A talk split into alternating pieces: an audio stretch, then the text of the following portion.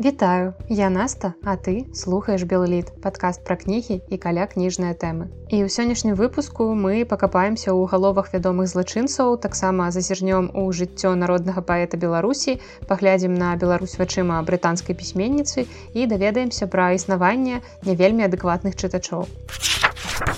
Журналіст і філолог Сергей Шапран вядомы сваімі цудоўнымі кнігамі пра беларускіх літаратараў. Яму давялося шчыльна камунікаваць з некаторымі нашымі цудоўнымі творцамі і гэта, я думаю, моцна яму дапамагло ў стварэнні такіх кніг. Напрыклад, Сергей Шапран выдаў двухтомнік дакументаў пра Васіля быкова, надрукаваў некаторыя з яго невядомых твораў і кнігу ліставання з рыгорам барадулінам. А калі вы шукаеце нейкую прыемную пазітыўную кнігу, то я вельмі вам раю яго зборнік беларускі гістарычны анекдот. Сергей Шапран сапраўды вельмі шмат робіць для таго, каб адкрываць нам беларускіх аўтараў, прычым адкрываць іх з нейкіх новых невядомых нам бакоў. І сёння я раскажу вам пра кнігу тры мяхі дзядзькі рыгора або сам насам з барадуліным. Гэтая кніга выйшла ў выдавецтве Лофіна ў 2012 годзе і ў ёй сабраныя гутаркі Сергея Шапрана з народным паэтам Беларусі рыгорам барадуліным.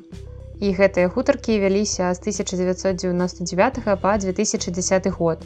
І атрымалася, што гэта больш за 10 гадоў вельмі шчырых даверлівых размоў пра жыццё, пра творчасць барадуліна, пра яго сям'ю, сяброў, пра нейкіх літаратараў іншых і таксама пра лёс роднай краіны, безумоўна.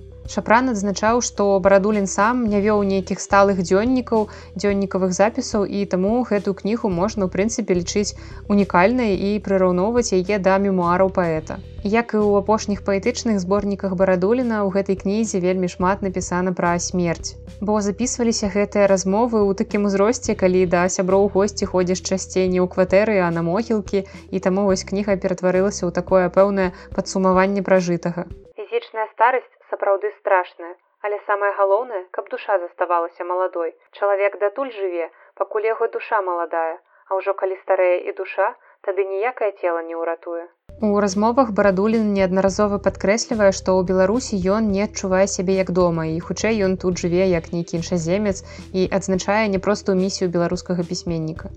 Спецыфіка Беларусі палягае ў тым, што беларускаму пісьменніку ўсё жыццё прыходзіцца бараніць беларускае, беларускую мову беларускую дзяржаўнасць. Яму прыходзіцца браць на сябе што называецца адразу некалькі нагрузак ці душэўных абавязкаў. Але ўсё гэта не перашкаджае паэту любіць родныя мясціны і разам з тым іранізаваць над сваёй краінай. Дарэчы мне нядаўна прыйшло ў галаву што абрэвіатуру рб можна расшыфраваць як рыса беднасці Але для мяне РБ гэта ўсё ж такі хутчэй рэгор барадулін. І такія кнігі гэта ўвогуле неверагодна каштоўныя крыніцы інфармацыі пра літаратараў, бо тут ёсць такія факты, якія вы дакладна не сустрэнеце ў школьным падручніку. Напрыклад, пра тое, як быкава вербаваў КДБ ці як Андрэй Макаёнак купляў каньяк. Дарэчы, калі аднойчы Андрэй Макаёнак прыехаў, здаецца, з Амерыкі, у кішэні ў яго засталося некалькі даляраў. Увечары ён зайшоў у буфет, што знаходзіўся ў гасцініцы мінск і за даляр купіў бутэльку каньяку.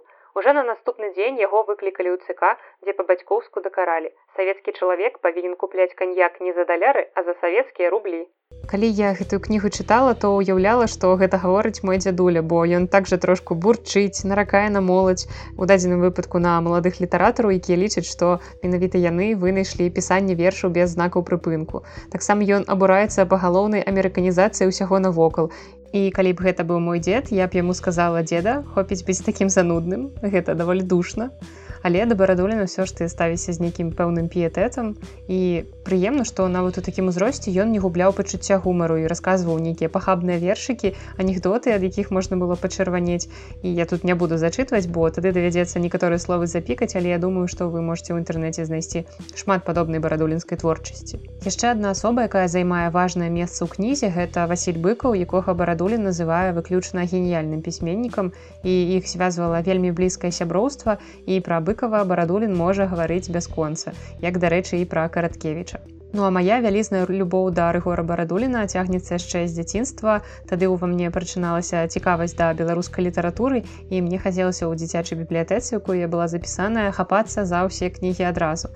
І пашанцавала што дзякуючы бібліятэкаркам ці нейкаму такому майму унутранаму компасу траплялася под руку мне толькі добрая літаратура бо я магла ў прынцыпе паглынаць усё без разбору ўсё запары гэта і проза і паэзія і публіцыстыка і такім чынам я дабралася і да зборнікаў барадуліна якія мяне просто зачаравалі і з таго часу я нясу ўнутры вось гэтую некую любоў і з задавальненнем чытаю ўсё што звязана з любімым паэтам няхай ён і можа быць троху занудным з гэтым класічным старпёрскім моладзь ужо не тая або вся гэтая павальная амерыканізацыя і гэтак далей. А наогул паэт гэта хто на вашу думку?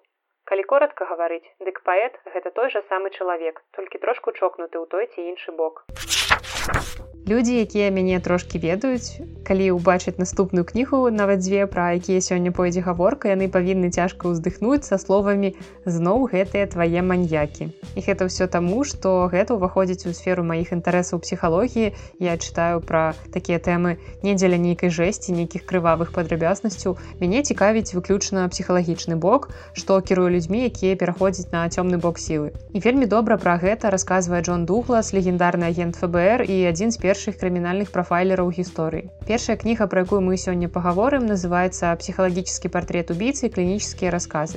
Джон Дуглас напісаў яе ў суаўтарстве з маркам Олшейкером. І апошнім часам я даволі шмат абураюся наконт таго, што перакладная назва кнігі неяк збівае з толку. Вось тут у арыгінале кніга называецца Джорні into darkнess.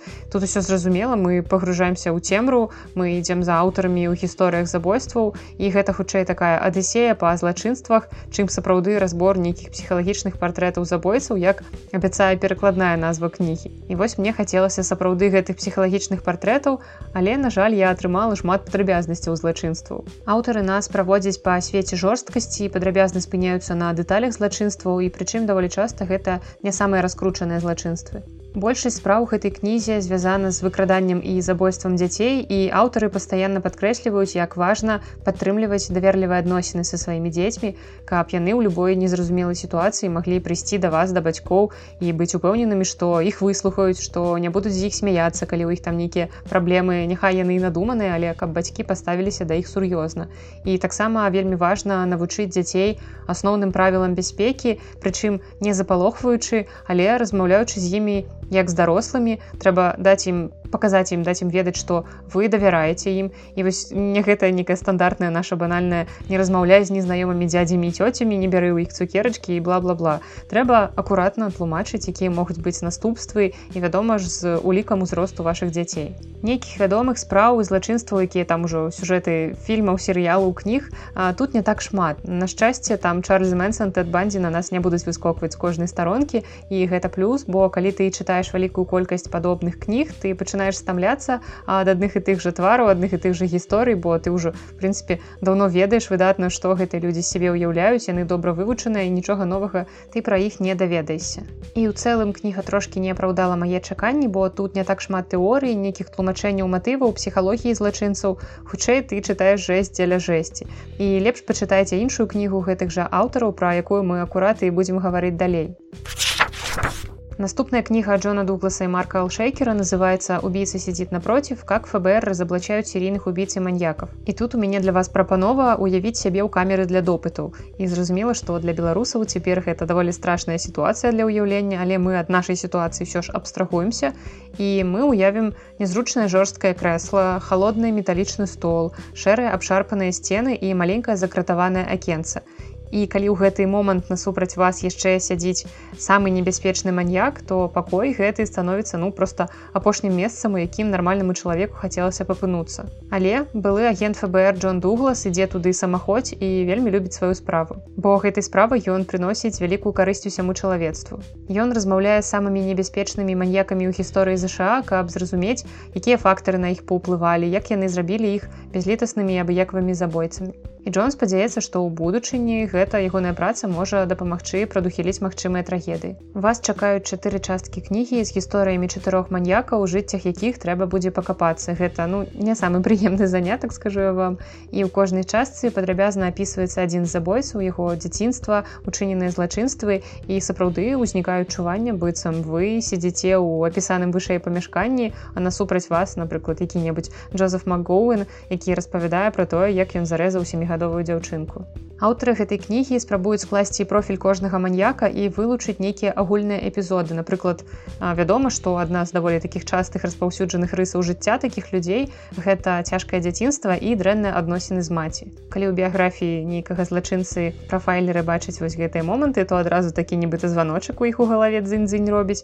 Бо да гэтага ўсяго яшчэ дадаюцца неўралагічныя асаблівасці і ў суме нам гэта ўсё дае гатовага маньяка. Зразумела што не заўжды гэта ўсё настолькі дакладна працуе працуе але мне падабаецца як духлас бачыць такіх людзей наскрозь. Ён на нейкія драбнюткія рухі іх цел рэагуе ён чытае іх думкі ён інтэрпрэтуе іх. І гэты чалавек які сапраўды зрабіў вялікі ўклад у развіццё такой галіны крыміналістыкі як прафіляванне. Ён быў увогуле адным з першых у гэтай сферы і шмат сапраўды для яе зрабіў. І гэта той выпадак калі чалавек з унікальнымі здольнасцямі з'явіўся ў патрэбным месцы і стаў сапраўды прафесіяналам сваёй справы. І мне вельмі цікава чытаць такія кнігі тому што я б сама марыла займацца чымсьці падобным але на жаль у беларусі з гэтым сёння так проста не склалася. Таму мне столькі вось застаецца што чытаць кнігі на гэтую тэму і неяк так віртуальна капацца ў галовах вядомых забойцаў. І калі вы чыталі ці глядзелі серыял майндхантер то смела бярыць за гэтую кнігу яна вас спадзяюся не расчарую цяпер ад кніг якія мне спадабаліся пяройдзем да рубрыкі наста абагравая планету бо яе прыгарае ад кнігі ёсць у рускамоўных або беларускамоўных увогуле з постсавецкай прасторы чытачоў нейкая такая пэўная прадузятасць адносна аўтараў замежных якія пішуць пра другую сусветную вайну. Маўляў што там усе пагалоўна хлусяць пішуць што амерыканцы перамаглі ў вайне што яны перайначваюць гісторыю як толькі ім хочацца але мне напрыклад абсалютна пляваць хто аўтар кнігі пра вайну калі гэта нейкі савецкі пісьменнік рускі беларускі ці нейкі замежны. Калі кніга напісаная таленавіта і без скажэння факту то я звычайна не звяртаю увагу на нацыянальнасць аўтара і ў нашым стагоддзі аўтары ўсё яшчэ даволі актыўна пераасэнсоўваюць гэтую тэму тэму другой сусветнай але напісаць на гэтую тэму нешта новае і значнае сапраўды даволі складана. Брытанская пісьменніца рэйчел сейферт у дэбютнай кнізе цёмная комната вырашыла ўзяцца за гэтую няпростую тэму і адразу гэтай кнігай трапіла ў шорт-ліст букераўскай прэміі. Якім чынам у яе гэта атрымалася? Для мяне гэта загадка. Гэта ну зусім не выбітны раман у яе атрымаўся. Ну хаця прынцыпе гледзячы хто яго чытае пра гэта я скажу трошки пазней. Але для пачатку раскажу вам караценькую перад гісторыю гэтую кнігу я знайшла абсалютна выпадкова. Я люблю заходзіць у менскі букініст насупраць сума. Я звычайна там знаходжу нешта цікавае. Я убачыла на паліцы стос кніг з букераўскай серыі узяла першую і пачала чытаць анатацыю. І ў мяне погляд зачапіўся за наступныя радкі внук эсэсовца спустя полвека расследующий преступление деда в беларусі і у меня адразу спрацаваў нейкі трыггер на назву краіны бо я збіраю згадкі беларусі ў замежнай літаратуры так што я не змагла прайсці мімо кнігі гэтай брытанкі дарэчы яна дачка немкі аўстралійца але вось брытанская пісьменніца. І тым больш кніга каштавала ўсяго 4 рублі і пагадзіцеся што ў наш час гэта сапраўды мала. І звычайна згадкі беларусі ў замежных аўтараў выклікаюць у мяне суцэльныя фейспалмы і гэты раман на жаль не стаў выключэннем па сутнасці гэта ўвогуле і не раман. Гэта тры не звязаныя паміж сабой аповесці под адной вокладкай. Падзеі гэтых аповесцяў разгортваюцца да суд другой сусветнай падчас і пасля другой сусветнай. І перш чым мы патрапім у Беларусь нам трэба будзе прачытаць дзве першыя часткі. Першая частка называется гельмут у ёй падзеі разгортваюцца ў берерліне і там у красавіку 1921 года нараджаецца хлопчык з дэфектам рукі. Ён не можа ўдзельнічаць у звычайных дзіцячых гульнях і трапляе на працу да фатографа і марыць уступіць у вермахт. І я калі чытала я абсалютна не магла суперажываць гэтаму герою, тому што аўтарка яго выстаўляе неверагодна дурным. І чым старэйшым ён становіцца, тым горш яго ўсё з разумовымі здольнасцямі, хаця адзін яго недахоп фізічны. Ён неразумова адстал, у яго ёсць праблема з рукою, яго там праблема з цягліцамі, таму ён не можа рухаць рукой як усе, але ў яго няма праблемы з галавой. Але паводле аўтарскіх апісанняў можа падацца што ён сапраўды разумова адстала і відаць яна такім чынам хацела прымусіць нас яшчэ больш суперажываць герою. Але на жаль у аўтаркі прынамсі са мной гэта не спрацавала нічога не атрымалася і гэтая частка мне падалася самай нуднай пустой і абарванай ні на чым. Другая частка лора напісаная так, каб выціснуць з вас як мага больш слёзнай вадкасці, бо гэта же так сумна, калі пакутаюць дзеці, няхай нават гэта дзеці нацыстаў Падзеі адбываюцца ў баварыі 1945 год дзеці нацысцкага афіцэра адпраўляюцца ў гамбург да бабулі, бо абодва бацькі апынуліся ў лагеры для ваеннапалонных. Аўтарка апісвае іх пакуты ў падарожжы раптоўнага спадарожніка і жыццё ў гамбургу з бабуляй. І пакуль дзесьці ў блакадным ленінградзе елі хлеб з гідрацэлюлозы і хваёвай кары, героі гэтай кнігі елі нармальны хлеб, яны пілі свежае малако, але пры гэтым яны неверагодна пакутвалі. Яны пакутвалі, што ім не атрымалася дастаць мяса з салам. І тут я не хочу пераменшваць боль простых немцаў я скажу што аўтарцы просто не, не ўдалося выціснуць мяне такім чынам слязу як казаў станіслаўскі не веру а галоўны герой апошняй часткі міха так частка называецца і так завуць галоўнага героя ён раптам даведаўся што яго на дзядуля быў чальцом ва фнсс і зразумела што на гэту тэму ў сям'і гавораць не вельмі ахвотна і ў яго толькі атрымалася выцягнуць з бабулі што дзед ваяваў крыху больш за тры гады на тэрыторыі ўкраіны рассіі і беларусі. І бабуля нават распавядае дзе канкрэтна ў беларусі гэта было. Маленькі гарадок на балотах паўднёвы ўсход краіны под прыпяццю. І вядома міху тэрмінова трэба туды патрапіць каб сапраўды даведацца ці забіваў яго дзед каго-небудзь.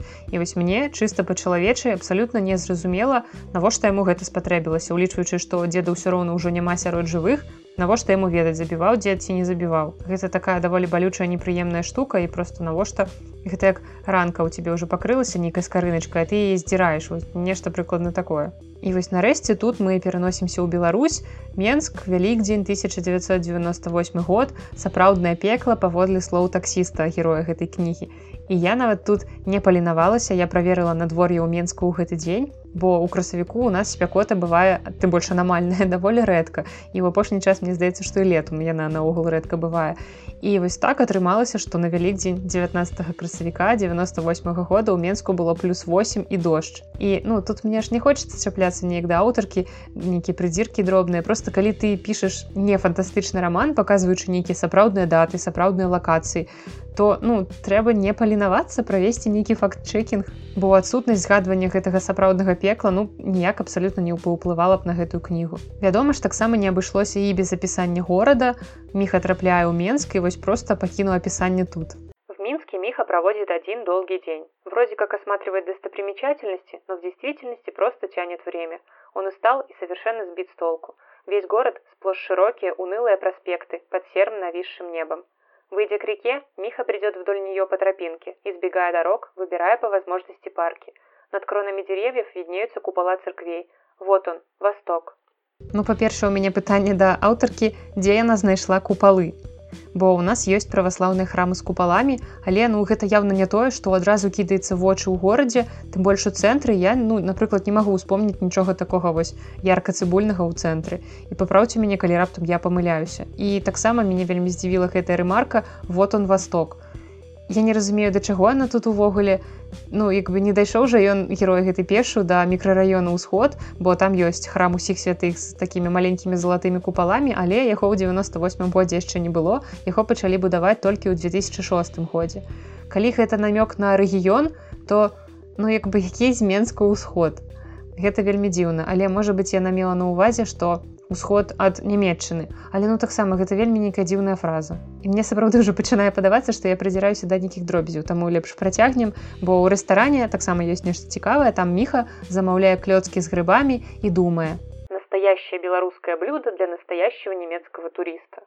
Тут мне здаецца, што жыхарка Вкабрытаніі грамадзянка Сейферт проста не ведае, што гэта таксама і нямецкая страва клёцкі па-нямецку называецца кнёдаль. А далей міха адпраўляецца ў палескую вёсачку, пасярод якой у 1998 годзе заўважце неяк змог патэлефанаваць дадому ў германію з таксафона і плаціць манетамі. І канешне прыемна, што замежнікі пра нас так добра думаюць, але такія таксафоны ў тыя часы сярод вёскі, Наўрад ці вы б сустрэлі. Ну і да таго ж у нас у той час грошы былі толькі папяровыя знакамітыя зайчыкі таму ніякімі манетамі ён плаціць не мог. Далей таксама працягваецца ўсё вельмі цікава. Кожны жыхар вёскі ён просто лічыць сваім абавязкам напаіць міху гарэлкай. Герой там знаёміцца з беларусам які мог ведаць яго деда калі той знаходзіўся ў гэтых рэгіёнах ён спрабуе нешта высветліць у гэтага чалавека і адлішку пачуццю ён пачынае плакаць. І што прыносіць яму жонка деда адгадайце з аднаго разу правільна гарэлку і насоўку бо ўсім жа вядома што мы ў беларусі ў любой незразумелай сітуацыі бухаем вадзяру мы замест вады п'ём і нават мыемся ёю з раніцы. Паўсюль у нас толькі гарэлка. І рэзюмуючы я магу сказаць што гэта проста чарговая абсалютна непаказальная кніга пра вайну пра лёсы людзей скалечаных вайной але тут няма нейкага глыбокага пагружэння ў тэму і аповесці увогуле вельмі кароткія і аб'ём кнізе дадае просто нейкая дзіўная вёрстка там шмат пустога месца і абяцаная ў анатацыі германія якую мы не ведалі так і не раскрылася. І я не зразумела што хацела нам паказаць аўтарка. Што ў нямметчыне таксама жылі звычайныя людзі або што у нацыстаў таксама былі дзеці якія яшчэ нічога не разумелі і думалі што тата пайшоў абараняць краіну і марылі што апынуцца на яго месцы або што унукі ваенных злачынцаў не маглі зразумець як іх любімыя дзядулі служылі ў войсках сС і ну гэта ўсё абсалютна не новыя думкі і кнізе у кнізе гэтай сюжэты і мова даволі прымітыўна прыемная вельмі простая быццам кніга напісаная для малодшых школьнікаў.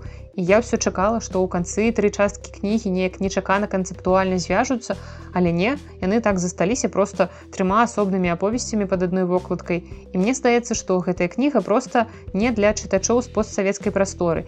І я не скажу што яна дрэнная і яна не апраўдвае нацызм ні ў якім выпадку. Яна просто напісаная для людзей якія ведаюць і бачылі іншае. І тут не абавязкова зусім быць ура патрыётам з надпісам можам паўтарыць на ілбе.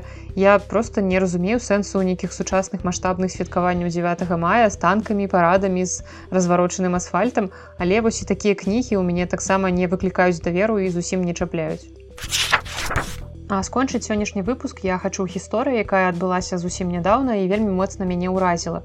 Я думаю, што вы чулі пра вельмі страшны і дзіўны феномен нашага часу, які называецца культура адмены, cancel culture. І гэта ўсебаковае асуджэнне і пазбаўленне падтрымкі чалавека, які сказаў або зрабіў нешта не тое, што ў пэўнай групе людзей падалося нейкім абуральным або абразлівым. І зразумела, што калі ты нейкая медыйная асоба, то вельмі варта вам старацца сачыць за языком. Але часта людзі проста забываюць, як дзіўна часам працуе наш мозг. І штодня мы з вами звычайныя людзі, твары якіх не мільгаюць у нейкіх навінах мы можемм ляпнуць нейкую ерась і нават не заўважыць. І нам за гэта нічога не будзе ну я думаю амаль нічога.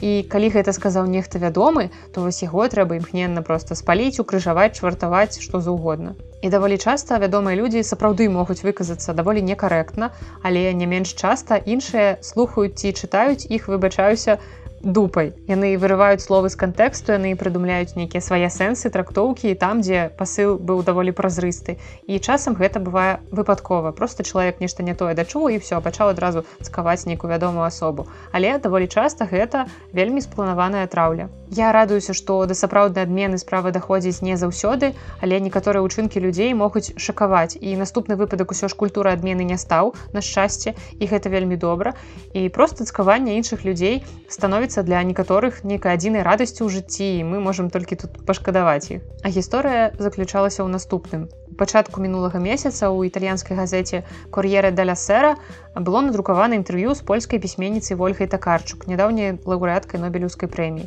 і вядома што журналісты размаўляюць з пісьменнікамі з нейкімі такімі вядомымі асобамі не толькі пра літаратуру і пра тое чым яны займаюцца але вядома ж яны закранаюць і сацыяльныя і палітычныя тэмы і тым больш калі сам пісьменнік вядомы тым што вельмі часта на гэтыя тэмы выказваецца І што ж такога страшнага сказала ольга ў гэтым інтэрв'ю. Інтэрв'ю выйшла пад назвай Беларусь як Польшча плаціць за марудливасць Еўропы. І ў ім такарчук адзначыла, што каранавірус вельмі моцна аслабіў пратэсты ў Польшчы. І калі вы не чулі пра пратэсты, я вам караценька раскажу, у чым тут сэнс. Бо ў кастрычніку 2020 года Канстытуцыйны суд Польшчы вынес пастанову, якая зрабіла закон аб абортах больш жорсткім. І цяпер яны сталі незаконнымі практычна ва ўсіх выпадках. Нават калі ёсць рызыка, што ў вас народзіцца дзіця інвалід, перапыніць цяжарнасць можна толькі калі ёсць згвалтаванне адбылося згвалтаванне або нейкі ёсць пагроза жыццю жанчыны. І гэтае рашэнне суда вядома ж справакавала хвалю масавых пратэстаў нават у такой краіне як Польшча вядомай нам сваёй рэлігійнасцю. Але ўсё ж такі хваля пратэста ўзнікла і іх пратэсты працягваюцца да гэтага часу але ў меншых маштабах. І ольга параўнала гэтыя пратэсты з нашымі беларускімі маўляў пандэмія толькі на руку рэжыму. Беларусь прыклад таго, што ў новай сітуацыі глобальнай пандэміі рэжыму адчуваюць сябе ў большай бяспецы. Грамадства, якое баіцца, лягчэй падпарадкоўваецца загадам і забаронам. І што ж тут пакрыўдзіла польскіх чытачоў. Іх пакрыўдзіла, што ольга параўнала іх краіну з нашай. Я прачытала просто выдатны тут раблю двукосці рукамі выдатны каментар польскага журналіста войцеха мухі, дзе ён напісаў. У такарчук хапае нахабства не толькі пляваць на Польшчу, але і зневажаць усіх беларусаў, якія пакутаюць.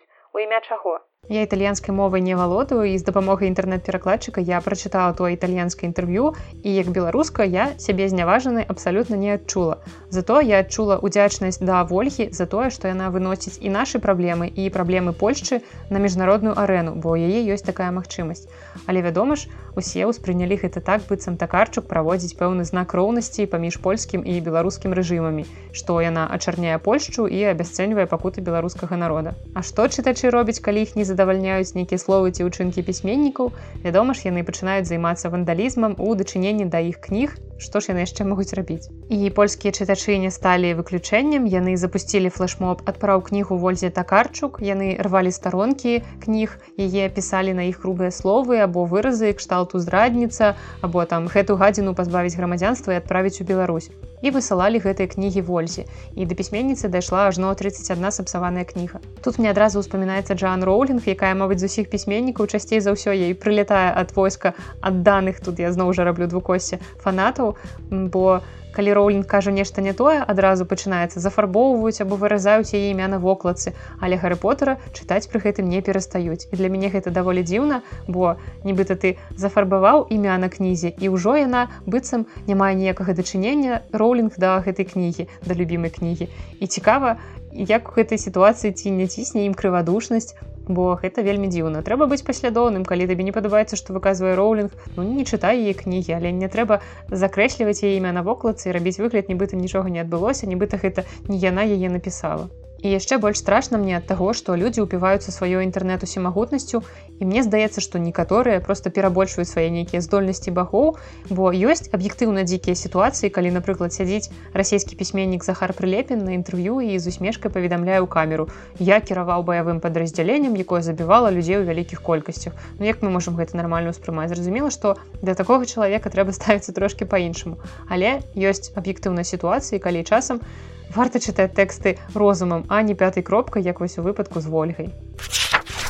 І вось на такой пафасна-драматычнай ноце я хачу скончыць сённяшні выпуск. Я спадзяюся, што лета вы праводзіце прыемна, нягледзячы на ўсе абставіны, якія нас акружаюць, але галоўнае не губляць баявы дух і нагадаю што ўсе кнігі пра якія сёння ішла гаворка я пакідаю ў апісанні і таксама там вы знойдзеце ўсе магчымыя варыянты падтрымкі гэтага падкаста і электронную пошту на якую можна дасылаць свае пытанні за увагі прапановы калі яны ў вас ёсць. І таксама каментарый вы можете пакідаць калі вы слухаеце мяне на soundundcloud ці ў кастбоксе а калі слухаеце праз iTunes то калі ласка стаўце адзнакі і пішыце водгукі і дзякуючы гэтаму падкаст можа знайсці большая колькасць чытачоў. Якіх чытачоў слухачоў вы мяне зразумелі бы ўжо канец выпуска уже пачынаю загаворвацца і дзякую усім хто мяне слухае хто пакідае зваротную сувязь. Гэта для мяне вельмі важная заўжды вельмі прыемна і на сёння гэта ўсё з вами была наста і падкаст белліт да сустрэчы